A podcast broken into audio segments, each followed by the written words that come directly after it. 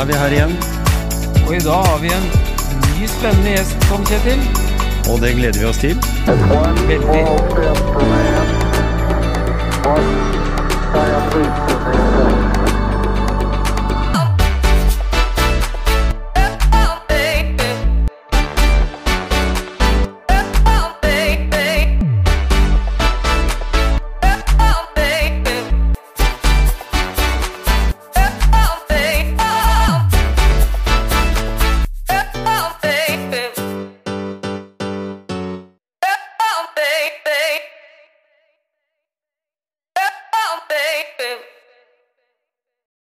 Ja, Gisle, da sitter vi her igjen, da.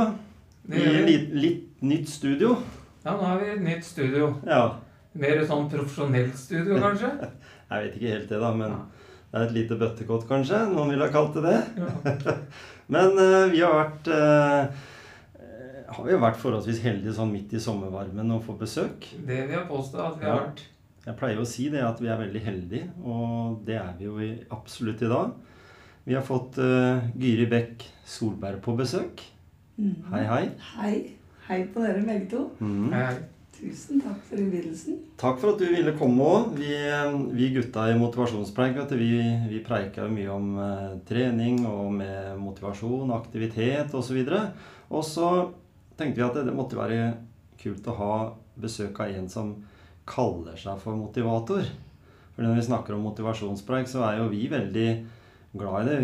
Vi har jo snakka om hver eneste Eller ikke hver gang, da, men veldig ofte at vi bare greier å motivere én, vi. Så er vi kjempefornøyd få en opp av sofaen hvis en ser på den måten. Men eh, din jobb går litt ut på akkurat det å være motivator. Kan du ikke si litt om deg sjøl? Jo, ja, eh, jeg heter da Gyrid og Begg Solberg. Jeg er fra Nøtterøy. Ja. Jeg eh, jobber som mentaltrener, motivator, bevisstgjører, samtalepartner. Mm. Men eh, jeg liker jo det uttrykket motivator veldig godt. Og ja, det er jobben min å Ja. prate med folk. Det er jobben min å få folk til å skjønne hvor bra de egentlig er. Det er min jobb til å det, det, det er veldig mange som kommer til meg og sier at Gyrid, kan ikke du komme og motivere oss? Sier jeg nei, det kan jeg ikke. Men jeg kan komme og inspirere dere. Men Mm. motivasjon, det må du gjøre sjøl. Ja. Men jeg kan inspirere dere for at dere skal motivere dere selv. hvis du, hvis du skjønner hva jeg mener. Mm. Så jeg er veldig opptatt av den ansvarligheten. Den ansvarliggjøringen. Mm. Det er jeg veldig opptatt av. Mm. Mm. Men, men hva, hva legger du i ordet Hva er en motivator, tenker du? Ja, hva er en motivator? Eh, for det første så har jeg litt lyst til å eh, si litt om hva ikke eller hva en motivator ikke er. Eh, for det er veldig viktig for meg å si at jeg jobber ikke med folk i krise. Jeg gjør også det, men da kan det hende jeg bruker andre ting. Men her som jeg er nå, så er jeg som motivatoren, Gyrid. Og Mm. jeg jobber ikke med, det er ikke bare å komme bort til folk som virkelig ligger nede fortelling og virkelig er i krise, og bare si at 'tenk positivt, du', og liksom sånn, så går dette fint. Men um, jeg jobber med Hva skal jeg si for noe? Oss Altså, Vi skal være litt forsiktige, for vi vet aldri hvem som sitter og hører på poden vår. Nei, eller foredraget vårt. Og det er viktig å få sagt at jeg jobber ikke med folk i krise. Men eh, Mm. ja, jeg jobber for å motivere hverdagsfolk. Jeg jobber med toppidrettsmennesker, jeg jobber med ledere, jeg jobber med vanlige mennesker. Vi er jo alle vanlige mennesker, det er ikke Ja, det jeg mener. Men, eh, men det, at, eh, det at jeg er ikke noen psykolog, jeg er ikke noen terapeut, det vil jeg veldig gjerne si. Mm. Mhm. Og, vi, og vi har jo prata med mange eh, tidligere toppidrettsutøvere og, og sånn. Og de har gjerne et barn som har blitt uh, toppidrettsutøver. Og så tenker jeg, og de er inspirert av sine foreldre. da. Så Mm. tenker jeg, eh, har du hatt noen inspiratorer? Ja, det har jeg. Så absolutt. Vet du hva, ja, jeg, jeg hadde, jo, jeg hadde jo en far. Pappaen min var jo min store inspirator. Han var vel De sier at han var den første mentale treneren i Norge. Mm. Han reiste til Canada eh, veldig tidlig på 50-tallet og kom veldig fort i kontakt med NHL, National Hockey League. Og de var langt foran oss i Norge på det mentale. Og der lærte han veldig mye. Så kom han tilbake til Norge og begynte å jobbe med dette her. Og var eh, Ja, han, han har jeg gått i fotspora til. Jeg er veldig opptatt av å lage mine egne fotspor, men det er han jeg har lært det meste av. Ja. Helt klart. Jeg har en utdannelse som coach også, men det er liksom han jeg virkelig har Mm. eh, lært av. For han var, han het Frank Beck, hvis ikke du vet Mm. hvem det er. Ja. Eller det, det er ikke sikkert folk vet. Men ja, Det var han du sikta til, tenker jeg. Det var det. Og, og jeg var jo på foredrag med han eh, for noen år tilbake, og da ble jo jeg i hvert fall veldig motivert av, av noe som du også bruker mye, da, at det er meg det kommer an på. Ja, Da er det jo litt sånn som du sa her i stad, at, eh, at i utgangspunktet så kan du hjelpe å være en inspirator, men det er jo meg det kommer an på. Eller deg. Eller Gisle. Eh, som, som er hele Ja. svaret på, på dette her. Er det, det, er jo, det er jo en ting som jeg, jeg ser i hvert fall at du bruker. Ja, jeg bruker det masse. I forhold til eh, mye av det du snakker om. Ja, Mm. og det er jo headingen, og det er jo Du snakka om fjell i stad, grunn, grunnmuren. Ja. Det er jo grunnmuren i mine foredrag. Det er setningen det er meg det kommer an på. Tenk Mm. om det da, gutter. Tenk om alle vi tre går inn i dette studio Mm. og bare tenker at det er faktisk meg det kommer an på hvor bra denne podkasten blir. Mm. Herregud, så gøy! Ja. Altså det, Den ansvarliggjøringa der, den er jeg veldig opptatt av. For, for jeg mener virkelig at idet vi peker utover og legger ansvaret på andre Mm. Altså, Gisle, i dag er det- din jobb at jeg skal ha det bra på podkasten. Mm. Funker ikke det, vet du. Mm. Nei da. Det ansvaret det er jeg nødt til å ta sjøl. Men hvordan er det da når du kommer ut i bedriften? Du sier du jobber mot bedrifter. Ja.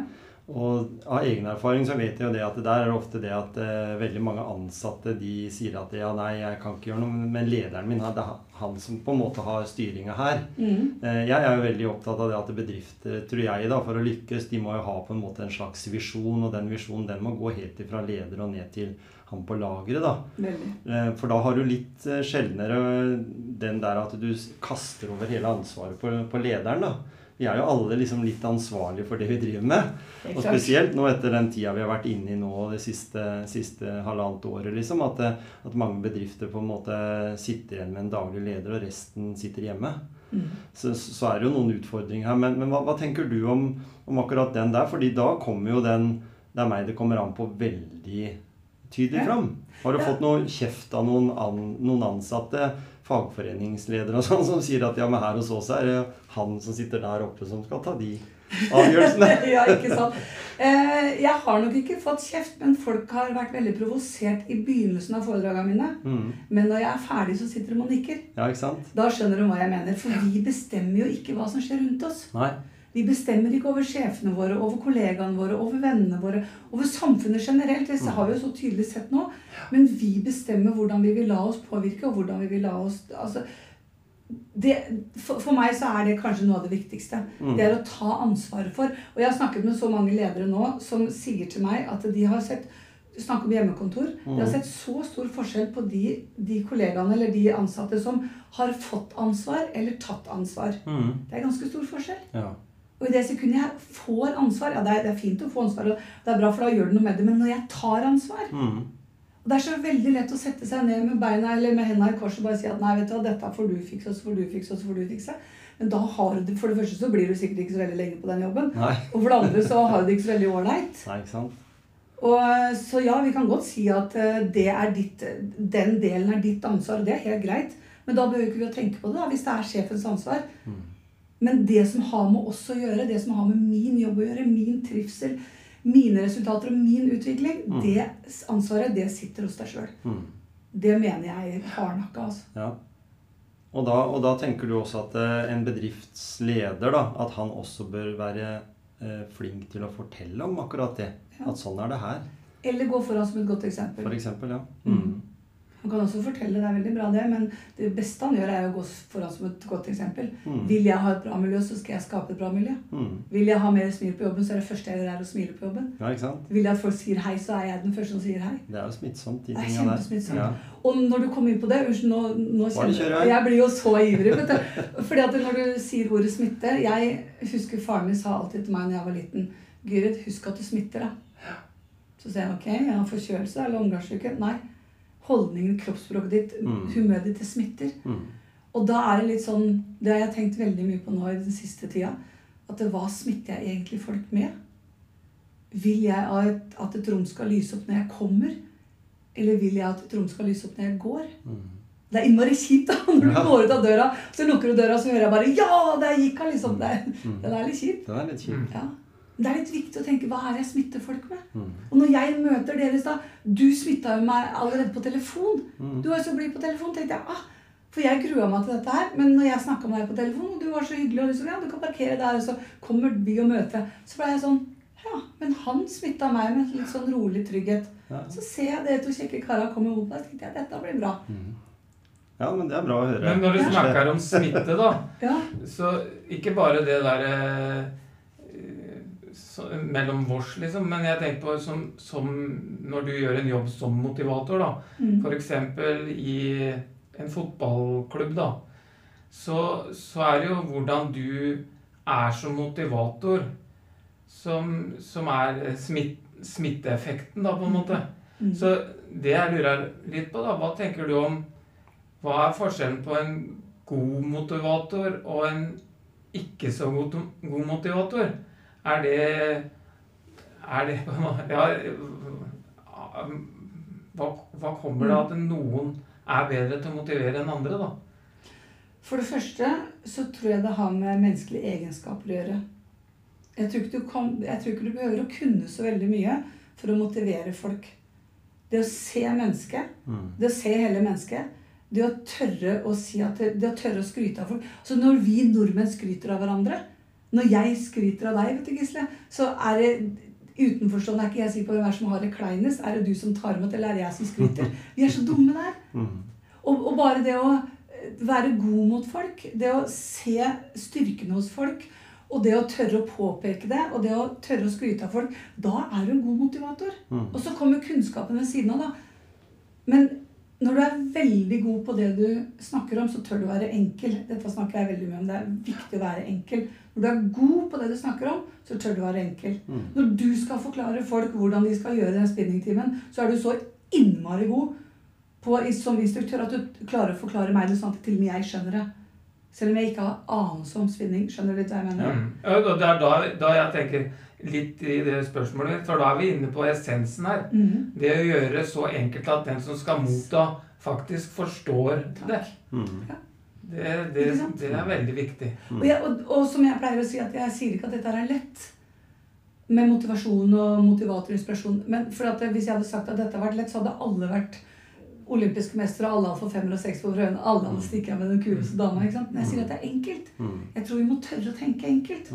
Og for å tørre å tenke enkelt, så må du være god på det du snakker om. Mm. Og der har jeg et klasseeksempel på å være enkel, og det er jo Hans Trygve Kristiansen. Mm. Han gamle treneren til Koss og Johan Koss og Geir Karlstad. Ja.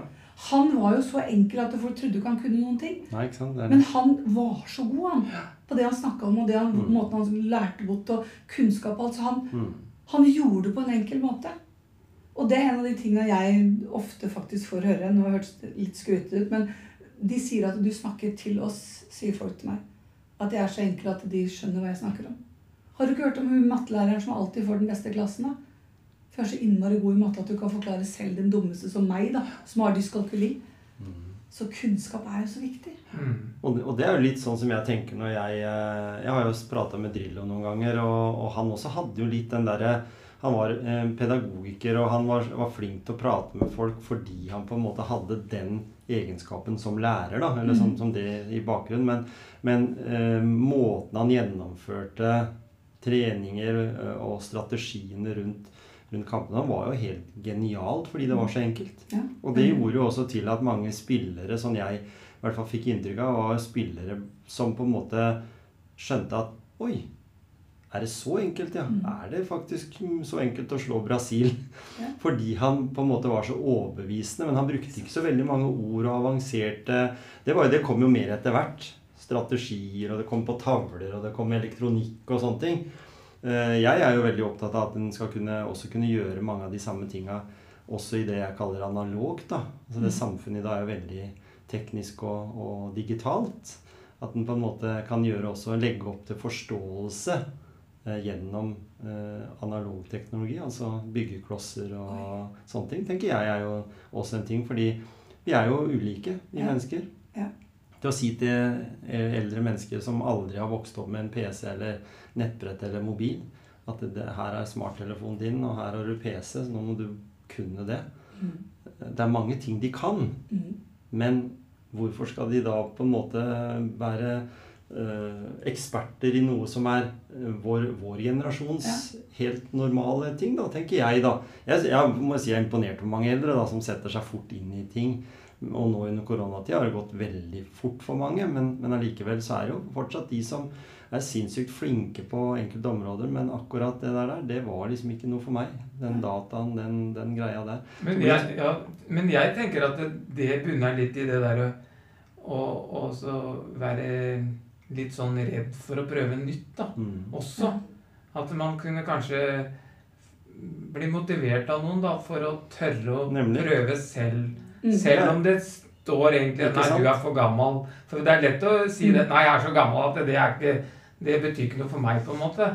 Så jeg, jeg tenker litt annerledes. At man, man kan få ut mer av sitt potensial enn man tror sjøl. Men det er så mye enklere. Jeg husker jeg hatt foredrag for eldre mennesker i 2000, når de måtte, de måtte kunne bruke e-post og, og Word. Og bare det, Vi hadde opplæring med de i Windows, bare, fordi det var mange som ikke hadde, hadde brukt data. Og da begynte det å bli liksom litt mer folkelig å ha en PC, fordi det kosta ikke så mye lenger heller. Eh, og da husker jeg det at det, det viktigste for meg og han som jeg drev med da, det var at vi skulle gjøre det enkelt.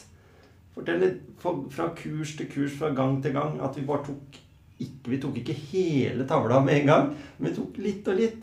Og det var så mange av de som var så takknemlige etterpå. Så har jo Liss selvsagt, som du sier, dette her med å du, Vi kunne det så bra at vi behøvde ikke å, å gå så dypt. Vi behøvde ikke å fortelle eh, det tekniske. Vi kunne bare si at det, Klikk der. Trykk på den grønne knappen. Trykk på den eh, gardina der, og gå ned til det. Og så, så var det liksom tre-fire klikk, og så Oi, var det så lett? Ja. Det er liksom litt den Rema 1000-metoden. Ja, det er jo Det er bare det det går på. Mm. Og når en så stor kjede som Rema 1000 bruker da, så tenker jeg at det betyr jo helt sikkert noe. Ja, det er sånn. I hvert fall så følte jeg det den gangen. Så har det jo gått over 20 år eh, siden, eller ja, over 20 år siden. Mm. Men eh, allikevel så tror jeg det fortsatt så er det samme måten, for det kommer alltid nye som, som, som vil gjerne lære seg eh, tekniske ting. Og det var som jeg sa i stad, Gisle, det var ikke for å si at vi skal gå tilbake til steinalderen, men det var for å tenke enkle løsninger for de, de Mm. som, som skal Ja, lære ja, seg det. det er, det er jeg enig i. Og det gjelder jo idrett òg. Ja, ja. Det gjelder jo idrett og aktivitet og sånn som vi snakker om. Eh, Skal du hive deg ut i skiløypa med, med baklatte ski, så er det mye mer kleint å gå på ski da enn å ha godt feste, tenker jeg. Mm, ja. ja, jeg hadde foredrag for eh, Nå husker jeg helt hva de heter, og det er litt flaut. Reitan-gruppen. De som mm. har MA 1000 og, Ja. og 7-Eleven og de. Og de en, en av deres visjoner, eller et, en setning som de har, det er at det, det er ikke flaut å tenke enkelt, det er genialt. Mm. Og jeg tenkte ja, det er jo det. Og jo enklere vi klarer å gjøre det, jo flere folk får vi med oss. Og jo flere folk skjønner det. Når dattera mi skulle ha gloseprøve, og hun skulle ha si 20 gloser, da Hun holdt jo på å dø på seg på engelske gloser. 20 gloser. Hun kommer aldri til å klare det. Men så tok vi fem og fem. Mm. Så tok jeg de fem. Mm. De fem. Mm. Og så kunne de, og så tok vi de fem neste. Og så tok vi de ti neste. Mhm. Og så tok vi de fem neste, og så tok vi de 15. Så plutselig så, så satt hun der med en enorm mestringsfølelse. Hun hadde klart 20, Ja. 20 gloser. Og fikk sekser på hver eneste gloseprøve. Ennå hun likte ikke engelsk. Og da kan, da kan du fortelle det, Gisle. For du, når du har tatt med meg på noe intervalløp og sånn, så pleier du å ha en, nedtell, en tellemetode som jeg syns var veldig ålreit for meg da Mm. jeg begynte å bli sliten. Kan du ikke ta den? Ja, da, hvis vi skal ha ti, eksempel, Ja. så da teller jeg opp til fem. Mm. Og så teller jeg ned igjen. Ja. Sånn at ikke vi teller opp til ti, da, for det, det er så veldig langt. Det kan være langt. opp til veldig så- opp dit. Jeg er så sliten på fjerde. Da skjønner, da skjønner du hvor enkel hjernen er, da. Ikke sant? Det er det, det, er det jeg liksom litt mener, da. At, det, Ja. at man, man på en måte Man gir opp før man har prøvd. For at jeg tror de fleste har større potensial enn de de Mhm. tør å, Mm. Å på en måte bruke, da. Mm. Og det er så vet du, Det er jo, som de sier i Reitan-gruppen, det er jo genialt. Og jeg husker jeg hadde en eh, Jeg har jo vært så heldig å få lov å jobbe på toppidrettsgymnaset også her i Skien mm. i en, en del år. Og da hadde jeg en, en av de skiløperne som kom til meg. Og hun var så lei seg, for hun hadde kommet sist hver gang de skulle gå der eh, Når de går på rulleski opp til eh, Lifjell. Mm. Opp til Lifjell. Og hun var så lei, for hun kom sist hver gang. Mhm.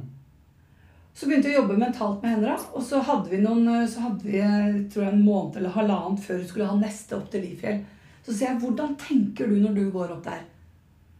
Nei, jeg tenker jo liksom på den lange bakken og ser opp og tenker herregud, skal jeg opp dit og hjelp og sånn. Så sier jeg, da skal jeg forandre huet ditt, sier jeg. Fra nå av så skal du tenke bare fram til det 60-skiltet. Bare fram til det treet. Bare fram til den, den svingen. Mm. Og når du kommer til det 60-skiltet, tar jeg sjøl i å være god. Hvis du gjør sånn og sier 'yes, der var jeg der', Mm. og så har du nådd et mål. Og jeg husker, um, Nå holdt jeg på å si jeg spurte, men det gjorde jeg så absolutt ikke. Jeg hørte et intervju med Martin Jonsrud Sundby Mm. andre gangen han vant Tour de Ski. Og den der eh, siste brattebakken opp Tour de Ski er jo ganske, den er ganske vill. Og så går du sånn i porter bortover. Du svinger jo bortover. Mm. Og så ble han, når han kom opp, hadde vunnet og hadde fått igjen eh, pusten, så får han en mikrofon trøkt opp i trynet, og så sier han Hva tenker du når du går opp den siste bakken? Og så han, vet du hva jeg tenker sånn? Jeg tenker én sving av gangen. Ja. Og da holdt jeg på å nesten begynne å grine. For han tenkte én sving av gangen, og så tok hun seg sjøl i å være god. Og så tenkte yes, det var bra. Og så er målet liksom bare kort neste sving. Mm. Og når du har tatt nok svinger opp, og du har gått den siste skøyta, så er du i mål. Ja. Mm. Og det er litt sånn som vi har snakka med utøvere her, sånn som uh, i tidligere episoder, da. Eh, I forhold til det med delmål. Mhm. At det, at det er viktig å ha. i- Og som, som Gisle som driver med triatlon også, så er det jo ekstremt viktig. For du skal tross alt For jeg er sånn at jeg blir jo Han har jo Gisle har utfordra meg til eh, Ironman i Kalmar, og jeg er jo Wow. forferdelig dårlig til å svømme. Og jeg drar alltid Kan jeg bare fram spørre deg, når, Ja. bestemte du deg for det? Ja, det er det Ja, jeg det, lurer på. da var jeg så, da var jeg så stor. Alle andre kompisene mine de kunne kråle, og jeg svømte bryst. Så det har du bestemt deg for? Så da har jeg bestemt meg for det. ok. Men jeg har jo begynt nå. Men så, så fikk jeg et godt tips av, av en eh, triatlonutøver. Og så sier han at eh, ja, men prøv å tenke eh, at det faktisk går an å gjennomføre med den svømmeteknikken du er god på. Mm. Og det har jo gjort at det har snudd seg litt om i huet på meg. da, For da er, vet jeg jo at jeg kan gjøre det, selv om ikke jeg vinner. Så gjør jo ikke jeg den prestasjonen der for å vinne. Nei. Men jeg gjør jo det for å vinne på en måte en litt sånn stolthet i meg sjøl. At da har jeg gjort det. Det Så er det derfor. Så, men, men allikevel så, så er det litt sånn at du, du tenker jo uh, Har litt lett for å grave fram de tinga du Mm. ikke er så god på. I en sånn setting der du vet at det, eh, jeg ser helt igjennom. Hvordan, hvordan ser jeg ut når jeg går over mål et, de siste meterne før etter en maraton, da, når jeg Mm. før det har sykla 18 mil og, og svømt 3800 meter? Så tenker jeg da har jeg både Hvor mange gnagesår har jeg, og hvor slitne er låra mine og alt sånt noe? Og det går jo ikke. For da har du på en måte dratt deg så langt ned i søla at du i utgangspunktet så har du kapitulert før du har begynt. Og da Men hvis du tar den ene fasen altså at? Nå skal jeg først svømme, så ser vi hvordan det er når du kryper opp på land Mm. på andre sida. Tenker jeg, da. Ja. At jeg begynner å få huet mitt til å tenke sånn. En port av gangen, en vet du. Ikke sant? Fordi at det er det eneste du får gjort noe med. Mhm. Du får ikke gjort noe med egen gnagesåret som du veit du får når du passerer målgrensen. Liksom. Og så skal jeg gi deg et bitte lite tips til. Du mm. sa til meg at du skulle prøve å gjøre det litt bedre. Mm. Glem prøve. Ja. Og jeg vet at det er en sånn floskel, men i det sekundet vi forteller oss altså i det sekundet vi forteller oss at jeg skal bare prøve å gjøre det, så, så har du tapt. Ja. Enten så gjør du det, eller så gjør du det ikke. Ja. Og hvis, hvis du gjør det, og du fremdeles ikke klarer, så må du bare trene mer. Men jeg veit ikke hvor mange ganger ungene mine har prøvd å ta ut av oppvaskmaskin. Og da er vi inne på det der hvordan, hvordan du prater. Eh, Ikke sant? Altså, når jeg var liten gutt, da Jeg begynte å hoppe på ski. Mhm. Og så sto det noen og skulle trene meg. Og så sier de Du slår med knea. Du må ikke slå med knea. Mhm. Ja, men fortell meg for hva jeg skal gjøre, da. For å ikke slå med de knea. Ikke fortell 'ikke slå med knea', for det skjønner ikke jeg noe av. Jeg, jeg er på utkikk etter hva jeg kan gjøre for å unngå de der knea, da. Vet du, hva, nå, nå har jeg faktisk ståpels, det, og det er en av grunnene til at du er grisegod på det du driver med. For at når vi snakker om Vi trenger ikke å kunne noen ting for å fortelle folk hva de ikke skal gjøre. Men i det sekundet vi skal fortelle folk hva de skal gjøre, så er vi Mm. nødt til å kunne noe. Mm. Og kan jeg dra en liten historie? Kjør vei. Faren min skulle trene, eller skulle jobbe med en kar som skulle hoppe i fallskjerm. Mhm. Og jeg veit jo ikke hvor høyt de hopper i fallskjerm. De hopper kjempehøyt opp i mange tusen meter. Og så, og så hopper han ut. Og så når han begynner å nærme seg bakken, så ser han et svært sementrør på bakken. Og det eneste han tenkte, det var jeg må ikke treffe det sementrøret. Jeg må Mm. ikke treffe det. Hvis jeg treffer det sementrøret, så brekker jeg turtur. Jeg må ikke treffe det sementrøret. Gjett hvor han traff hen. Han traff det sementrøret. Mm. Og brakk det han kunne brekke. antageligvis ikke alt, men veldig mye. Mm. Han, Tenk at han klarer å treffe det sementrøret på tre ganger tre meter fra 10 000 meters høyde ved å tenke hva du ikke skal gjøre. Mm. Tenk hvor god du kan bli når du begynner å snakke om hva du skal gjøre. Mm. Mm. Og det var vel litt av det faren din jobba med, med, husker jeg på det foredraget som han nevnte, med skilandslaget. Ja. Den gangen Espen Bredesen og de landa på kulen. Mm. At de på en måte begynte å bli sånn innstilt på at eh, jeg må ikke lande på kulen, jeg må ikke lande på kulen, og så lander du på kulen. Det er jo sånn. Det er, det er jo sånn der. Mm. Og han, han derre fallskjermhopperen, han ble Norges beste presisjonshopper. Mm.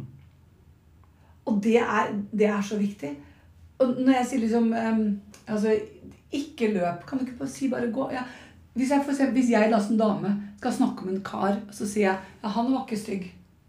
Seriøst, hva var han da? Kan vi ikke si at han var stilig, da? Kan vi ikke si at han var fin? Mm. Fin? Mm. Du må ikke gjøre sånn, du må ikke gjøre sånn. Nei, vet du hva. Det- Men, men da, tenker jeg på, da tenker jeg på det når du jobber med, med idrettsfolk. Mm. For det har jo du gjort en del. Eh, og der er jo mye mentalt. Vi snakka litt om det før vi, vi, vi starta her. At dette her med hjemmebane, bortebane osv. I hvert fall når du tenker lagidrett. Men, Mm. men for akkurat det hjemmebane, bortebane funker jo ikke i langrenn f.eks. Altså, det er klart at noen kanskje føler at de er bedre til å gå i Holmenkollen hvis du er norsk, enn det å gå i, i Sarajevo eller et annet sted. Ja, ja. Men, men allikevel så snakkes det jo aldri om det der. Men i, i, innenfor spesielt fotball, da, som er så, så stort, så snakker vi jo ofte om det der med det mentale. For, for, for, for Gisle og jeg har jo pratet om det at vi er jo enige om det at de fleste idrettsutøvere i fotball, eller fotballspillere, er jo alle gode, godt trent. Mm. Hvis du tar Eliteserien og, og, og, og Obos-ligaen, så er jo alle de utøverne som er der, er jo skikkelig godt trent. De trener jo mer enn én gang om, i uka. De Ja, ja. trener jo hele tida. Ja. Og mange av de yngre også som går på, på toppidrettsgymnas, de trener jo på, eller er jo på skolen, men de også trener i skoletida. Mm. Så, så, så hele den greia der med at eh, alle er fysisk sett både, og kondisjonsmessig helt på topp. Og så er resten opp til huet.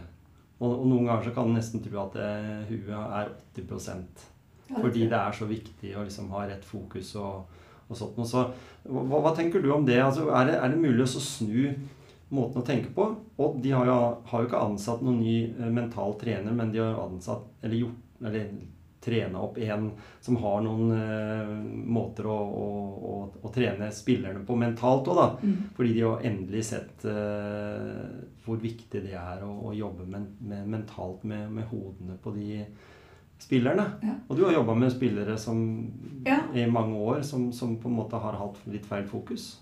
Ja, og jeg tenker litt sånn, da eh, Og nå skal ikke jeg stjele den, den fra faren min, for det var egentlig faren min som sa, men faren min sa alltid at eh, huet sitter jo der hvor det sitter, så er det like greit å ta det med seg. Mm. Og liksom Da får vi bare bruke det da, til noe fornuftig. Mm. Uh, og jeg tror, som du sa, du sa 80 Jeg har ikke noe tall på det, det kan godt være at det er Ja. 80 men jeg tror det er masse å si. Se på Bodø-Glimt. Mm. Endelig så tør de å gå ut og si at de driver med mentaltrening.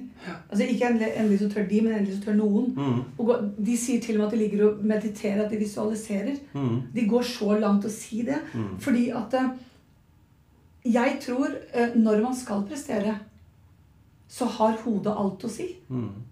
Og som du sier, de, de er trente. De, de kan det de skal drive med. Jeg, med, jeg er så heldig at jeg får jobbe med Hans Majestet Kongens Garde. Mm. Musikk- og drilltroppen. Og de har jeg jobba med nå i sju år. Og eh, de som driver den musikk- og drilltroppen, de er så godt trente. Hadde dere visst hvor mye de trener? De trener ca. like mye som Therese Johaug og Marit Bjørgen. Mm. De trener så mye.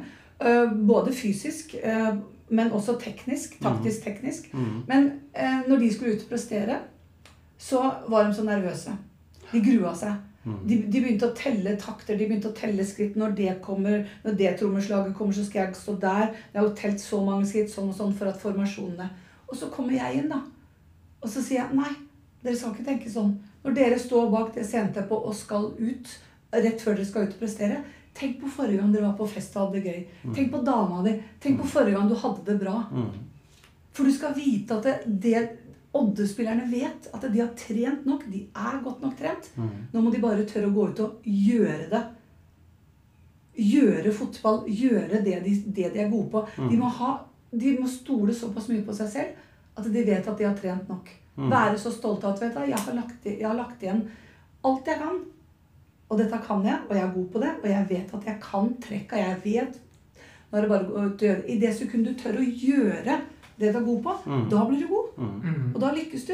Og jeg har hørt eh, Det har blitt et sånt eh, fint ord, spesielt i fotball nå, da. Men det er det å, å ha momentum, snakker de om. Mm. Det er å bare være, være i den bobla, bare gjøre det. Mm. Aksel Lund Svindal er jo bare en verdensmester til akkurat det. Han sto på startstreken, og så bare gjorde han. Og så etterpå så vurderte han.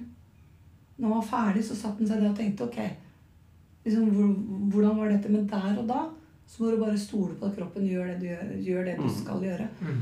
Og, og da er det jo sånn som vi har prata om tidligere også, om det med visualisering. da, Mm. For du nevnte jo på det her nå. Eh, fordi vi har veldig tro på det, og det har vi Gisle og jeg snakka om tidligere òg. Dette med hvis du visualiserer, så kan du faktisk eh, øke prestasjonsevnen Mm. enormt. Mm. Eh, fordi du også bruker i en visualisering mange av de, den erfaringa di. Mm. Hvordan har det funka før? Mm. Mens mange tenker bare framover og framover. framover. Og nå, nå kan jeg tenke sånn når du, når du sier det med Bodø-Glimt, da, fordi eh, i det øyeblikket de begynte å få publikum på, på tribunen igjen, så begynte de å tape.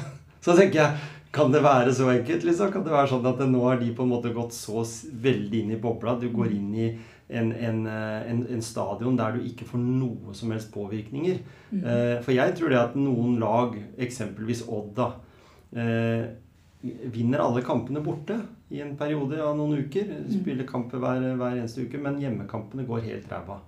Går dårlig.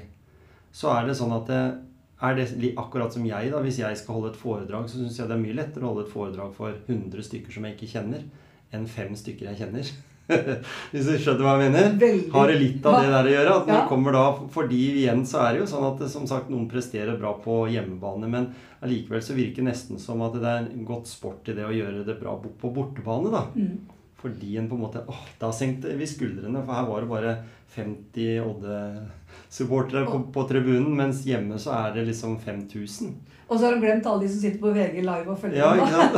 Det tenker vi ikke på. Nei, det tenker Nei. jeg på. Fordi, fordi Men det forteller jo veldig mye om det vi er Det, det temaet vi har, da. Det er, det er huet. Ja, Ja. det er hun. Altså, mye er så, det er så styrt fra huet, da. Mm. Og jeg, jeg eh, sysler jo litt med triatlon, da. Og, og, og, de sysler og de øvelsene jeg øver mest på, det er jo sykkel og løp.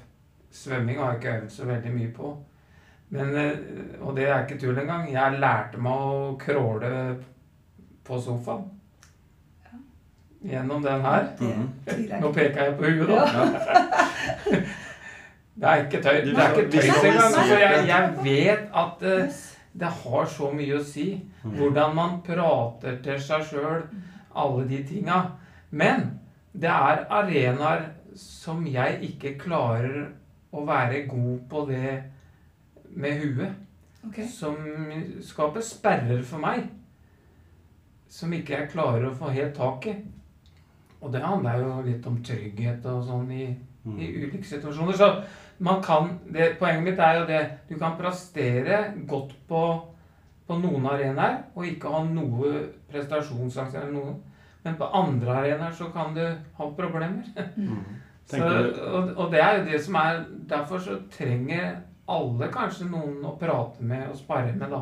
Selv om man presterer godt på noen felt. da. Mm. Og takk for at du sier det. Mm. Vet du hva, For det, det heier jeg så på. Jeg, det tror jeg på. Mm. Jeg tror det er viktig at eh, at sånn som fotballspillere da, har en å prate med som ikke skal bestemme spilletida di. Mm. Som ikke skal bestemme plassen din. En som du kan komme, slenge beina på bordet og bare være deg sjøl. Mm. Liksom bare være Kåre liksom som Kåre Kåre, ikke fotballspilleren. Jeg tror det er så viktig, og det så jeg når jeg jobba på toppidrett. De kom jo til meg, og de liksom satte seg ned med beina på bordet og liksom Åh, det er godt å være her. Mm. Det var ikke fordi det var, det det var jeg som var der, det var fordi det var en på utsida. Ja.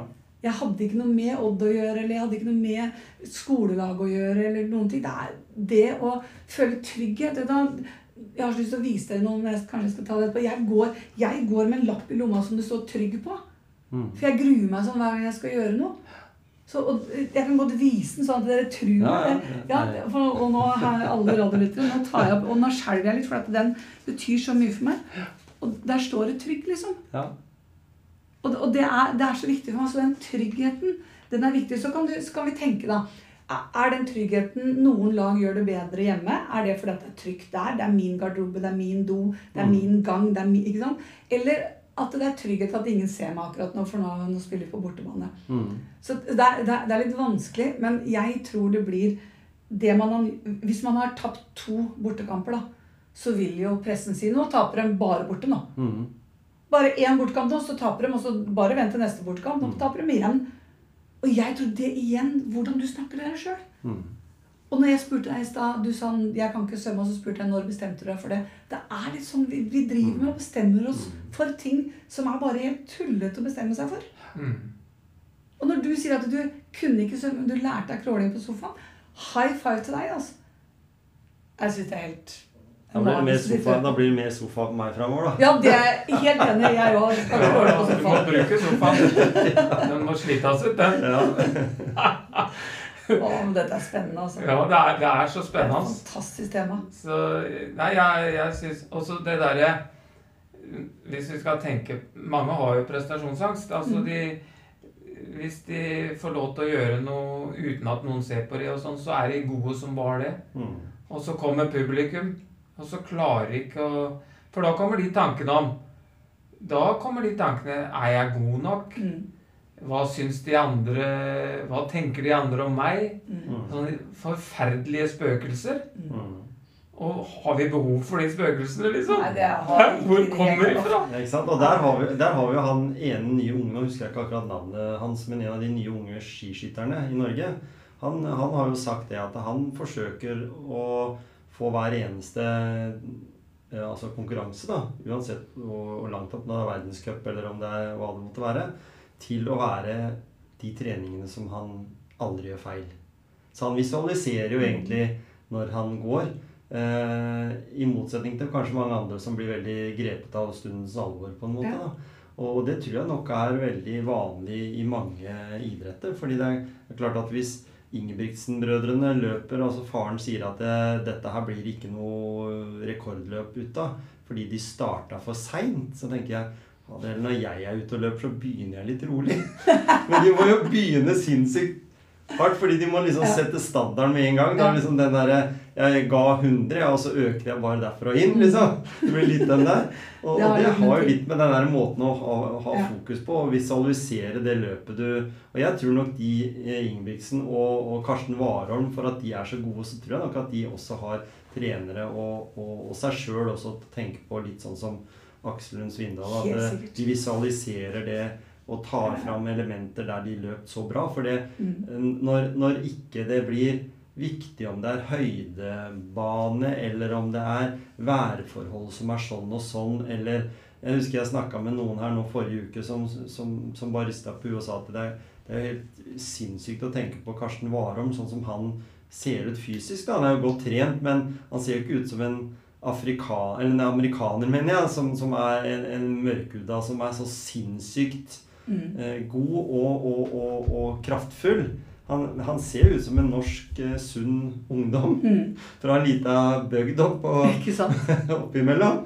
Og så, og så går han bare utpå der, og ut ifra kanskje en god visualisering med en god trener og, og noen tekniske, briljante ting som bare han kan, så, så setter han verdensrekord, liksom. Bare sånn en rekord som har stått så lenge. Det er jo det er en sånn jeg blir jo, jeg, Som du snakka om eh, ståpels her i stad. Jeg får det bare ved å prate om det. For jeg tenker at det er jo så utrolig stor prestasjon. En Se på det forholdet han har se, se på det forholdet han har til treneren sin. Ja, ja. Det er helt rått. Mm, Altså, de har det gøy. ja.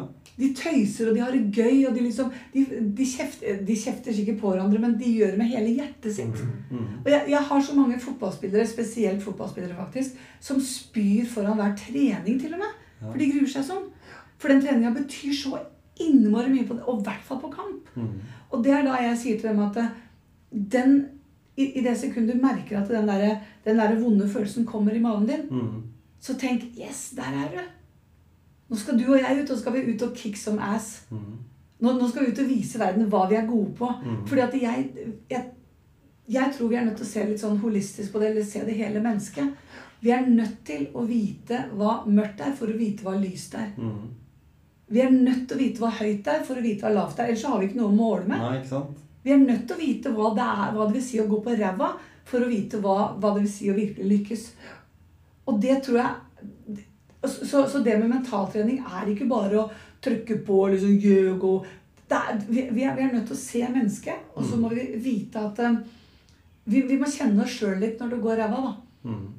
For det er å se på Vi er nødt til å vite hva svart er for å vite hva hvitt er.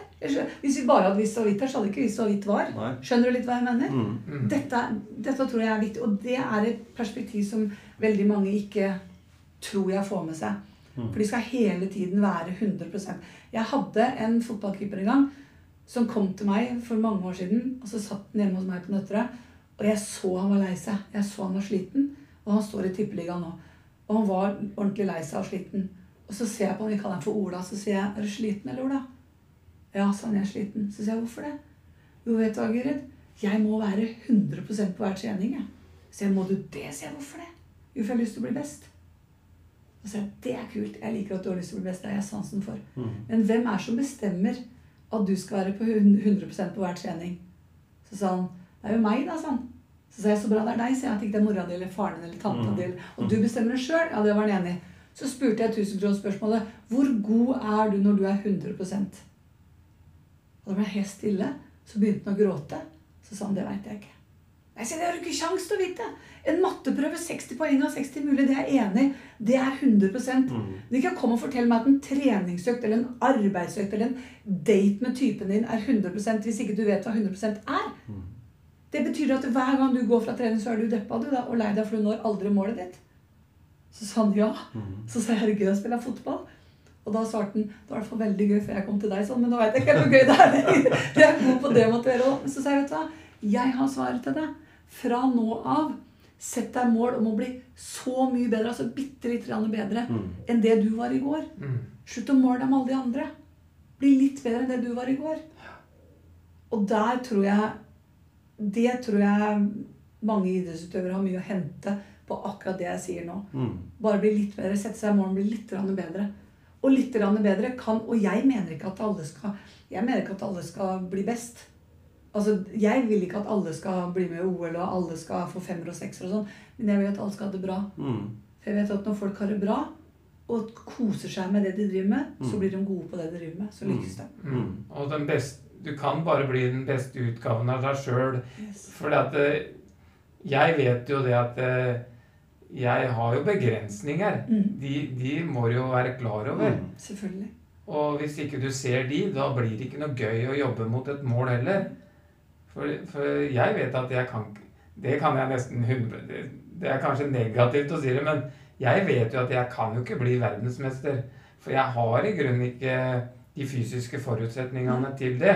Men jeg kan bli så god jeg på en måte kan bli, da, ved å Ja. gjøre de rette tinga, tenker jeg, da. Mm. Sønnen min han eh, plutselig i fjor så fant han at han skulle løpe Oslo Maraton. Han Mm. hadde ikke trent mye. Det kan jeg love deg. Så sa jeg Sondre, nå må du slutte.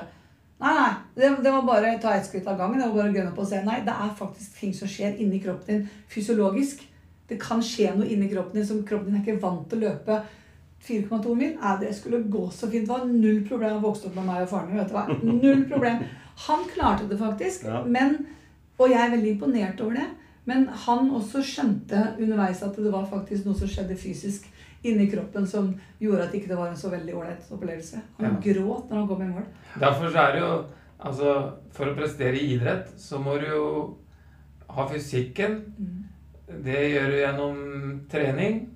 Og, og så må du ha det mentale, som Mm. du også gjør gjennom trening. Yes. Og jeg har jo vært på foredrag eh, med faren din en gang for lenge siden. Og jeg kan jo si det at alle fra den salen, de gikk jo ut og var skikkelig motiverte. Men det, jeg tenker at det, det hjelper jo ikke med det ene foredraget hvis ikke du fortsetter å holde det varmt. Mm.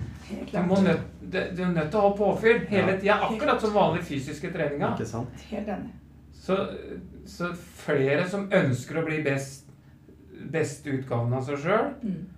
Bør tenke mer i de baner, da. Mm. Helt enig. Og derfor så er jeg så glad når du sier at f.eks. Odd da har, har en mental trener nå, har Mm. en som gjør det. Se Bodø-Glimt. Jeg vet Stabæk har. Jeg vet Mm. eh, Det er mange som skjønner viktigheten av å ha en. Mm. Og da trenger du ikke så mye Jo, du må jo ha kunnskap, men i hvert fall en som ser spillerne, da. Mm. Og, det, Og det er er, det Ja. mm, og det er vel litt sånn kulturen innenfor uh, fotball, da, når vi snakker om det. Eh, den jo, har jo vært litt traust. Det har Mm. vært litt sånn pinglete å snakke om uh, mental helse, ikke sant. Uh, jeg husker jo uh, faren din nevnte dette her med en, en Jeg mener det var en spiss i Rosenborg jeg som hadde vært hos faren din og snakka med henne og sagt at jeg får jo aldri noen baller, jeg, eh, foran, foran mål. Så, mens han eh, makkeren min, han scorer jo hele tida, for han får jo alle ballene. Mm. Og da mener jeg å huske at han sa at eh, han ikke måtte ha så fokus på at han sto feil plassert. Det var liksom, Hele greia gikk jo rett på, rett på at, han, at han på en måte så jo ikke noen mulighet. For han hadde jo allerede tapt, han, Yes. idet han gikk ut på banen. Fordi han fikk jo ikke noen baller av de han spilte sammen med. Ja. Igjen når du bestemte deg for det. Jeg Ikke sant? baller, jeg. Nei, ikke sant? Ferdig Og da er du inne på det der som jeg sier, det der med Som du sa til meg, da, i forhold til min eh, svøm- svømmefokus, da. Mm. At det, det blir litt på samme måten, bare ned på et eh, Jeg på et folkelig Mm. nivå, mens de da på et, på toppidrettsnivå. eh. Og jeg tenker at det er jo ikke alltid bare sånn å si at ja, men herregud, du, jeg får jo så og så mye betalt for å spille fotball. Pengene har jo ingenting betydning egentlig før du får liksom andre i nettverket ditt til å si at nå må du finne deg en vei å, å gå som, som gjør at du får bedre betalt. Og så øh, vil media si, og vi vil si at det er er bare ute etter, etter, etter å øh, tjene penger. Eh, jeg har jo hatt jeg hadde I boka mi så hadde jeg jo med Torgeir Børven. Mm. Han var veldig åpen om det at du var en av de store inspirasjonene hans, og den som hjalp han når han eh, for, hadde litt, problemer, var 16 år og kom til Skien fra, fra Vestlandet. Mm. Og det er, noen, det er ikke noen hemmelig historie heller, den der, for den har jo stått om i, i media også. Mm. Eh, hva tenker du om det liksom, når du er ung da, og du kommer til en, en skole som toppidrett? Jeg vet jo at Knut Helge og Lasse Jørn og de gutta der har jo fått mye erfaring og har noen knapper å trykke på, de òg. Mm. Men de kan ikke rekke over alle. Nei. Så Og eh, derfor så er det jo genialt at jeg har Louise der, ja. som jobber som mentaltrener. Mm. Eh, og jeg vet at på toppidrett så er de gode. altså De er kjempegode. Og de er tett på spillerne. De har, eh, de har sånne matkvelder hvor de lærer å lage mat. Og liksom sånn. sant? Jeg husker jeg hadde en, en rytter som kom ned. Hun var fra Narvik. Mm. Og så kommer han ned hit. Eh, og så etter eh, kom han til meg første gang i oktober-november. Og litt sånn sliten og litt sånn lei seg. 16 år, da. Og så setter hun seg ned. Hun heter Selina. Hun er en nydelig, fantastisk jente. Veldig god rytter. Og så setter hun seg ned, og så, og så sier jeg, vet du hva Så sier jeg til Selina, så begynner jeg helt feil. vet du. Jeg sier, vet du hva, jeg skjønner at du er sliten. Jeg, sier. jeg skjønner at du er sliten. Du kommer ned hit, og du må vaske klærne dine sjøl, du må lage maten sjøl, du må gjøre sånn. Og så er det mørkt. Så ser hun Narvik-jenta på meg fra Narvik, så sier hun 'Hva mørkt?' For henne så var det lyst. Hun var jo kjempe... I Narvik så er det mørkt. Ja, Der er det mørkt. Og hun var bare sånn 'Herregud, det er jo lyst'. Ja, ja. Så da bomma jeg skikkelig. Men, men det er derfor de eh, En av grunnene til at de lykkes der oppe, er at de ansetter så mye bra folk. Mm. Og de, de utdanner dem. Og jeg ser Louise har jo en kjempeutdannelse som mentaltrener. Hun er rågod på dette her. Mm. Og de lager et støtteapparat og et nettverk rundt de spillerne som får dem til å lykkes. Um, jeg skal ikke si at det ikke det var det helt i begynnelsen, sånn som når du drar opp Torgeir. Mm. Eh, men, men vi har fått mer, er- eller de har fått mer har fått erfaring mer nå. Ja. Selvfølgelig. Og ja, Torgeir var jo første gang han var hos meg, så var han 16 år. Mm. Da ville han hjem. ja. Ja, nei, Og det han, er Vi ser jo hvordan han har på en måte takla det nå, men vi ser jo også det at det er, at det er, en, at det er veldig stort press på, på en person. da. Mm. Sånn som at det, blir du, blir du toppskårer i Eliteserien, så er det et sinnssykt press, fordi du må jo også bli toppskårer året etter, eller i hvert fall ikke så veldig mye dårligere. Nei. Det må jo være akkurat som en forfatter som skriver en bok, det, og så skal han ta en oppfølger, eller en musiker som skal gi ut en ny CD eller en Ja. ny plate. Det er jo det samme greia hele veien, og det Ja. gjelder jo også i arbeidslivet, egentlig. Det det. Så, så det er jo liksom litt den derre Igjen kommer tilbake til den visualiseringa. Forrige gang så gjorde jeg det sånn. Har jeg tatt med meg alle de elementene nå? Eller, eller har jeg på en måte innført noe som har vært en mer lettvint løsning som ikke var bra? Fordi jeg trang kanskje å gå litt mer all in, da. Kanskje, Ja. kanskje et fotballag som vinner serien det ene året, de rykker nesten ned, eller rykker ned året etter, Mm. eh, er fordi de blei litt komfortable. At ikke de, at ikke de så, var, ble nysgjerrig nok i neste vei. Hva gjør de andre nå? Siden, vil, vil ikke de være ute etter å ta meg? Det gjelder jo eh, Martin Jonsrud Sundby og andre, Petter Northug, alle aktive som har vært oppover, og Marit Bjørgen. Alle de som 100 bak der, de er jo ute etter å slå hun. Mm. Men det er, det, det er vel kanskje det som er greia, at det, det er lettere å trene mentaltrening på en måte hvis, du, hvis det går dårlig, da. At du tyr til den treninga.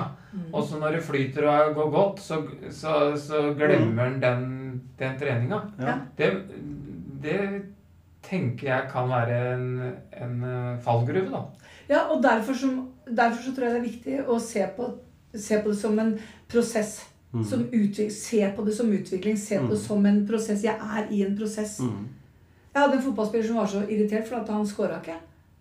Så sier jeg, men gutten min jeg, Det var ikke meningen å si gutten min. Jeg- Det sa jeg til han, da bare Ja. ok. Men, eh, men, men så, så, alt Det målet, det kommer som et resultat av alt det du gjør før. Ja. Søvnen din, spisen din, altså hvordan du tenker, hvordan du plasserer deg i banen, hvordan du løper, hva du sier, kroppsspråket ditt. Alt det kommer som en prosess. Nei, som et resultat av den prosessen du gjør. Mhm. Og når vi er gode og er på topp, så er det en mental utfordring å fortsette å bli der. Mm. Men derfor så er det viktig å sette seg nye mål. da. Jeg skal bli litt bedre enn jeg var i går. Hvis vi hver eneste trening tenker på det, uansett hvor god jeg var forrige gang, så skal jeg bli enda litt bedre i dag. På småting. Mm. F.eks. å tørre å ta imot skryt. Mm. F.eks. å skryte av lagkameraten. Så vi trenger ikke hele tiden å ha det på, på prestasjon. Men, men dette her går jo så veldig mye på det menneskelige også. Jeg er så opptatt av at vi skal ikke hele tiden snakke om prestasjon. Men hvis, vi, hvis, hvis du ikke har fulgt med som menneske altså Jeg som Gyrid, da, hvis jeg ble innmari god nå, så har ikke jeg som Gyrid klart å følge med i prestasjonen den presterende Gyrid. Mm. At jeg fremdeles har dårlig selvtillit, jeg har dårlig selvfølelse. Ja, jeg ser at det har gått bra, men allikevel jeg tar ikke helt innover meg. Og jeg er ikke i utvikling. Det der å tørre å skryte av seg sjøl og Åh, det er så viktig. Mm. Det er så viktig. Tørre å si til seg sjøl at 'jeg har vært flink, jeg har fått til noe'. Ja. Det syns jeg, jeg kan være vanskelig. Ja. Det, og, og, og da skal jeg si det. Da, da skal jeg si en ting. Jeg, jeg, jobber en, jeg har jobba Jeg kjenner Anja Edin veldig godt. Mm. Og Anja er jo ja, Hun er helt fantastisk, spør du meg. Og hun har med seg en som heter Marius Mm. Sørli, som også er innmari god på dette her. Og han sa det så fint. Jeg har sagt dette her som han sa. Jeg har sagt det mange ganger før, men aldri på en så bra måte. Så dette her er Marius sitt, sitt sitat. Han sier For hver gang jeg gir meg selv en repetisjon, blir jeg bedre på det jeg repeterer. Uansett om det jeg repeterer, er bra for meg, eller om det hindrer meg. Mm. Det var så bra sagt. Mm. Eh, og, og det er sant. Mm. For, for at det vi fokuserer på, det får vi mer av. Uansett om det er bra for deg, Mm. eller om det hindrer deg. Mm. Så er det helt opp til oss å velge. da. Skal jeg fokusere på det som gikk dritt? Eller skal jeg fokusere på det som faktisk var bra? Og så kan jeg bli litt bedre på det. Og, og, og da tenker jeg også at du er jo i Altså, du står jo i, i, um, i front mange ganger når du holder foredrag. Mm. For, for bedrifter og andre. Uh, og jeg har hørt på en podkast der du sier at du uh, ikke alltid er i god form før du skal utpå der. Da tenker jeg ikke sånn rent fysisk form, men du blir dårlig. Oh, ja. Du, du Mm. spyr, for å si det mildt. Ja. Det gjør jeg. Og, det, og, og, og da tenker jeg at eh, da er du litt inne på det at eh, for deg så er det din prestasjon. Mm. Det å levere når du kommer ut der. Men, men tenker du, gjør du det fordi du har en sånn eh, At du er bare nervøs, selv om du kan det materialet ditt eh, til fingerspissene og sånt noe. Hva er det du tenker at det er liksom det du gruer deg til, da, hvis en kan si det at det er du, at du gruer deg? Hva er det, du, hva er det, det er du tenker der ute? Er Ja. det folkemassen, eller er det Og, og jeg vet svaret òg, vet du. Det, Ja. er, det er det som det er, det er, trenger Det er jeg veldig interessert i å Fordi Eh, og det er flaut av meg som mentaltrener å si det, men jeg er bare et menneske. Ja, ja. Fordi jeg er altfor opptatt av hva alle andre syns og tror og tenker og mener om meg. Og det må jeg legge vekk. Mm. For jeg vet at jeg kan det jeg snakker om. Jeg veit jeg er god på det. Mm. Men så er jeg så redd for at folk ikke er enig med meg. da. Eller at de syns at jeg er teit, eller at jeg sier noe dumt. Og det jeg har jobbet... Men nå skal det sies at det er vel Det nærmer seg to år siden forrige gang jeg spydde. Mm. Så jeg har blitt bedre på det. Men jeg har holdt foredrag siden jeg var 17 år. 16 år. Så jeg har gjort dette her i ganske mange år. Og når du holder tre til fire foredrag i uka, så blir det slitsomt å spy. for- Så jeg måtte, jeg måtte virkelig begynne å jobbe med det. Og en av tingene jeg gjør da, det er at jeg går og holder på den trygglappen som jeg har i Mm. lomma. Og den, den går jeg ordentlig og holder på. Jeg har alltid, og jeg digger når jeg så klokka di, jeg har alltid noe oransje på meg når jeg skal holde på. Jeg elsker oransje. Så jeg har to oransje armbånd på meg her. På den ene så står det 'Det er meg det kommer an på', og på den andre så står det 'Fuck janteloven'. Mm. Og jeg går og tenker hvorfor er jeg trygg i det jeg driver med? For det første så er jeg trygg fordi at jeg vet at det er bra det jeg snakker om. For det andre så vet jeg at jeg kan det jeg snakker om. Og for det tredje så har jeg bestemt meg for å bli litt bedre i dag enn det jeg var forrige gang. Mm. Litt tryggere. Mm.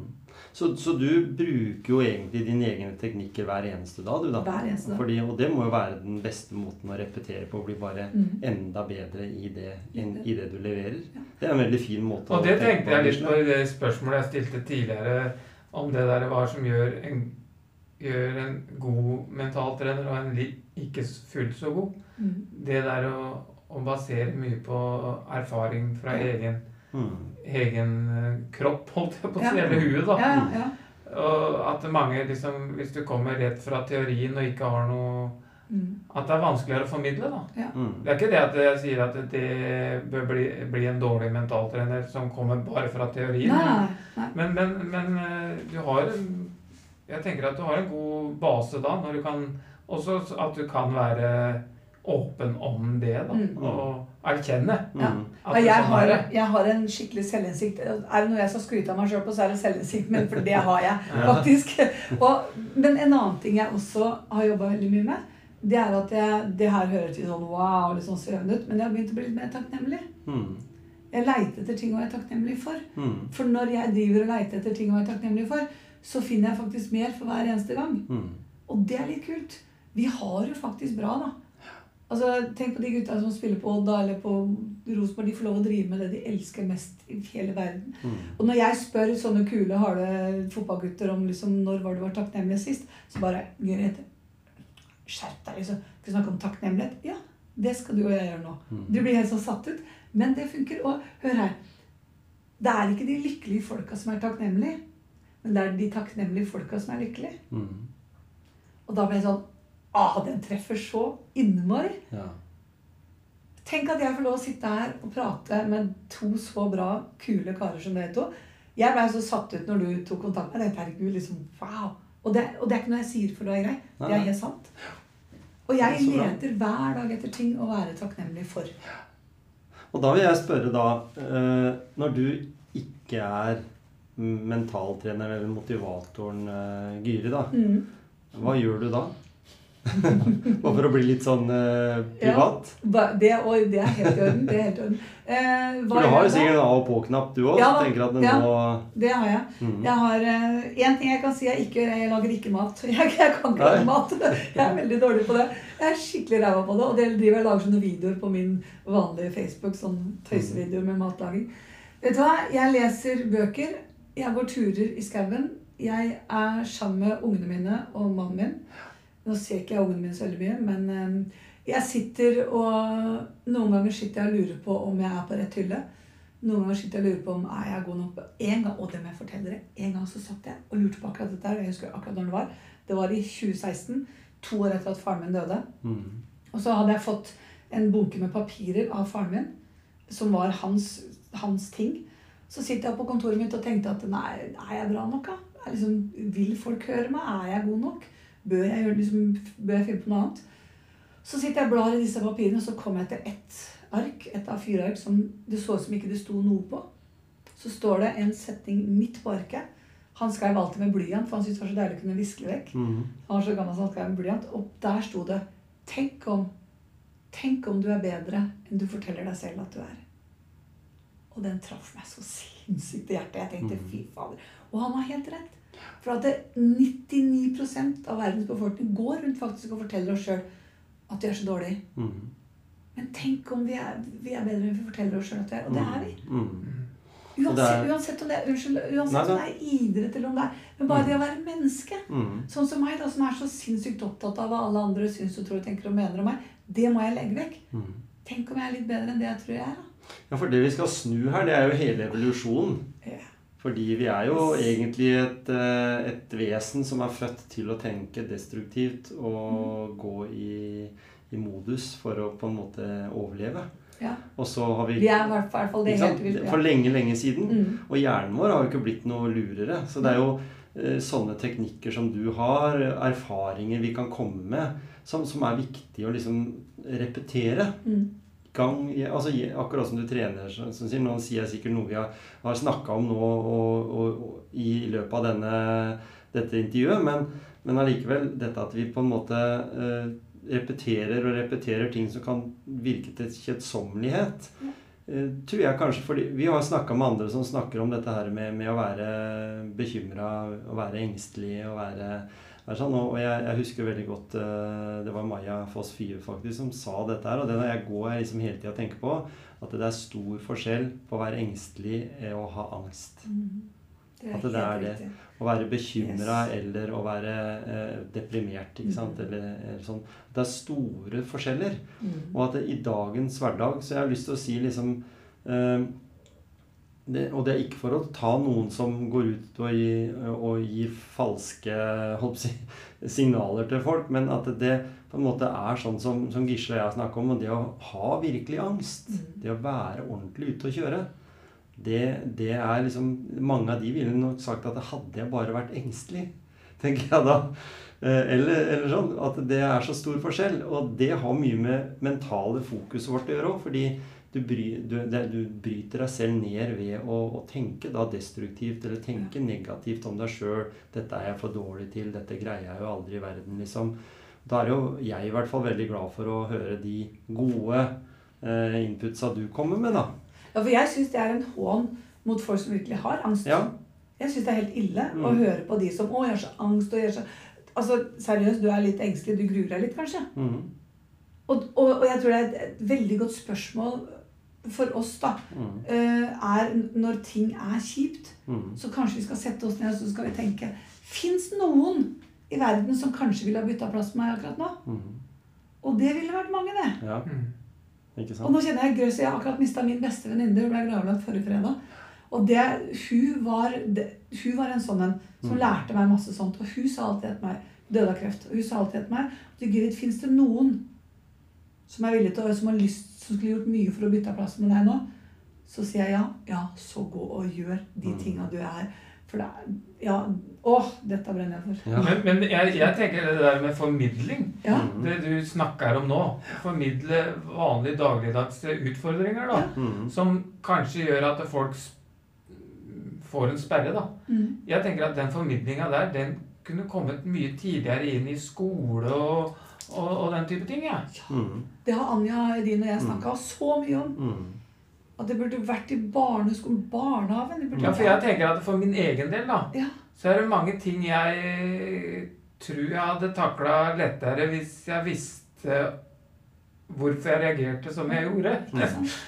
Mm. Ikke sant? For jeg hadde ikke så mange å prate med. Men de, har vel innf eller de er vel i ferd med å innføre et eh, fag nå som de kaller for livsmestring. Ja. Og det er jo en veldig bra greie. Det har vi jo snakka med Mariann eh, Deila Ja, og så da vil jeg, Når du snakker om det, så Mm. bare for å skyte inn så ikke jeg glemmer det Ja.